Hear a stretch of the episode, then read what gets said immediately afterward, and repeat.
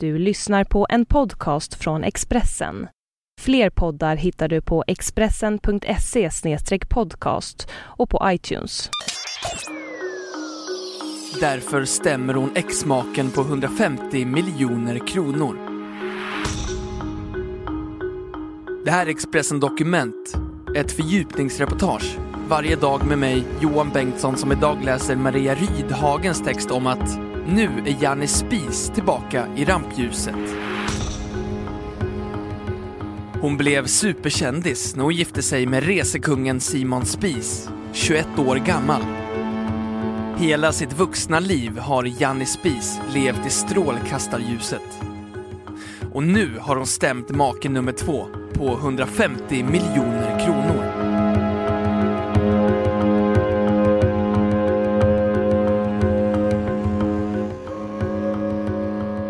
Janni Brodersen föddes 1962 och utbildade sig till en början i kläddesign. Men det var resor och turism som visade sig vara hennes talang. Idag är hon en av Danmarks kändaste och rikaste kvinnor. Hon lever ett lugnt liv i ett modest radhus i förorten Hörsholm tillsammans med sin son. Och givetvis är hon en av de ideella krafterna som jobbar för att locka fler besökare till Hörsholms kyrka. 1983 blev Janni Brodersen superkändis. Då gifte hon sig med Simon Spies, 61 år, ägare till resekoncernen Spies Resor och känd som en levnadsglad hippie med ett utsvävande sexliv. Omgivningens reaktion var chockartad för nygifta Janni. Det var givetvis enormt stort att gifta sig med Simon. Men det var också tufft för mig. För då jag gifte mig med honom hade jag ingen aning om vad som skulle följa med. Hela offentlighetens uppmärksamhet följde med och det slutade aldrig, säger Janne Spies i en intervju med Extrabladet inför 50-årsdagen. Ännu tuffare blev det då maken Simon sen avled, bara 11 månader efter bröllopet. Det var riktigt hårt att bli änka så ung och att stå ensam med den enorma sorgen. Samtidigt ärvde jag hela spiskoncernen och det stora ansvar som följde med. Så det fanns ingen tid att sörja. Jag skakade av mig den till att börja med. Men senare kom känslorna fram och då var jag tvungen att uppmärksamma det. Jag sökte en psykolog som hjälpte mig och det blev starten på ett långt liv där jag arbetat med mig själv och min utveckling, säger Janne Spis till Extrabladet. Fyra år efter makens död gifte Janne Spis om sig med 19 år äldre Christian Kjär. Konservativ politiker, advokat, delägare i cementföretaget FL Smith och personlig vän med prins Henrik. Den kvinna som vill bli extremt förmögen bör födas till drottning eller gifta sig rikt. Alternativt kan hon se till att få ett ordentligt familjearv. Den slutsatsen kan man dra efter att ha studerat Europas senaste tio i topp för rika damer, skrev Lisa Marklund i Expressen 1990. Då hade Janne Spies precis kvalat in på plats 10, god för 3,3 miljarder. Förutom kommentarer om sina ärvda pengar fick hon också ofta frågor om sin svaghet för äldre män. Tidigare har Janne Spies sagt att hon är en gammal själ i en ung kropp. En känsla som finns kvar sedan hennes uppväxt med mamman som tidvis hade psykiska problem. Dottern kände sig tvungen att ta hand om henne, som barn gör, kommenterar den vuxna Janne Spies. Nygift för andra gången skämtade hon bort åldersfrågorna med att Christian Kärr är ju bara 19 år äldre jämfört med Simon Spies där åldersskillnaden var över 40 år. Uppmärksamheten kring resedrottningen mattades inte av. Under 1989 och 1990 rapporterade tidningarna om att Janne Spies kärr var sjuk, kraftlös och rasade i vikt. Det visade sig vara en svulst. 1991 fick hon missfall.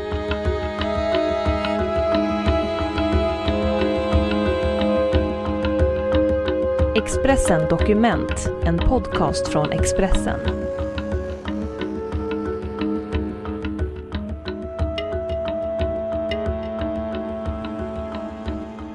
1993 hotades resebolaget av konkurs och Janne Spies Kärr gick in med egna pengar. Bolaget nysatsade och i Sverige blev lätta modellen Emma Sjöberg, 24, ansiktet utåt.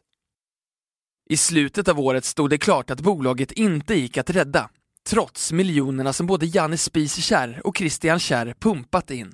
Och bankerna tog över.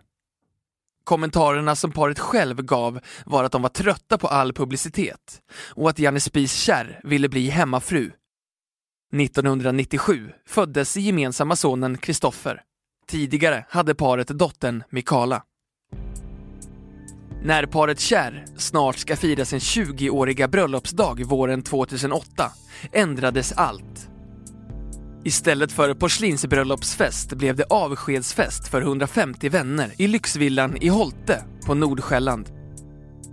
Sen skulle Janni och sonen Kristoffer flytta till Toscana. Maken och dottern Mikala blev kvar i Danmark. Varför de valde att dela på sig sa de aldrig. Några månader senare, i slutet av 2008, kom pressmeddelandet om skilsmässa. 2009 köpte Janne Spies Kärr ett radhus. En plötslig sänkning i levnadsstandard för resedrottningen. Men det är ett medvetet drag. Nu vill hon leva ensam och enkelt. Det är på tiden att jag får vara mig själv igen, sa hon till Billedbladet sommaren 2010. I samband med 50-årsdagen i september förra året bytte hon tillbaka till efternamnet Spies. Och 9 april i år började rättegången som Danmark och Sverige följt med spänning. Janni Spies har stämt exmaken på 150 miljoner kronor eftersom att hon hävdar att hon har betalat hela renoveringen av Sandberga Gard, 1700-talsgodset där paret bodde, men inte blivit kompenserad för den summan i skilsmässan, då parterna, enligt danska medier, fick 500 miljoner kronor vardera. Hon har lika mycket pengar som jag. Jag förstår inte vad hon är ute efter, säger Christian Kjär till BT. Han säger också att det var exhustrun som ville skiljas och att han inte heller då begrep varför. Janni Spies förklarar rättsprocessen med att det var det enda sättet att få exmaken att ta kraven på allvar. Han har avvisat mig hela tiden och bara sagt “stäm mig om du vill”. Så då gjorde jag det. Janni Spies kom till förhandlingen i Östre landsrätt i Köpenhamn med mörka solglasögon, tätt följd av en livvakt och sin PR-kvinna. De danska journalisterna undvek hon, men sa till Expressens reporter att “jag känner mig säker på att det här ska gå bra”. Fyra dagar senare var rättegången över och den 11 juni meddelas dom. Under tiden jobbar Janne Spies vidare med att locka folk till Hörsholms lilla kyrka från 1823 med en altertavla som är en kopia på den världskände danske skulptören Bertil Thorvaldsens verk för Köpenhamns domkyrka. När jag var liten gick jag ofta i kyrkan med min mamma. När hon hade det svårt gick vi tillsammans. Där fann hon ro och jag har alltid tyckt att det är en särskild stämning i kyrkan säger Janne Spis till Extrabladet.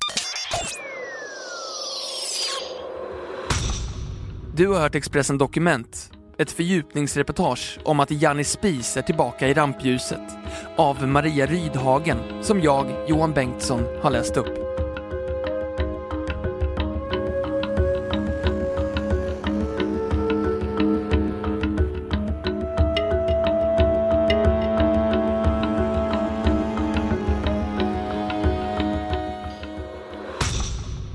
Du har lyssnat på en podcast från Expressen.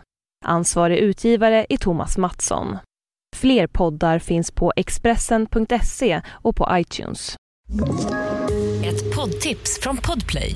I fallen jag aldrig glömmer djupdyker Hasse Aro i arbetet bakom några av Sveriges mest uppseendeväckande brottsutredningar går vi in med hemlig telefonavlyssning och, och då upplever vi att vi får en total förändring av hans beteende. Vad är det som händer nu? Vem är det som läcker? Och så säger han att jag är kriminell, jag har varit kriminell i hela mitt liv men att mörda ett barn, där går min gräns. Nya säsongen av Fallen jag aldrig glömmer på Podplay.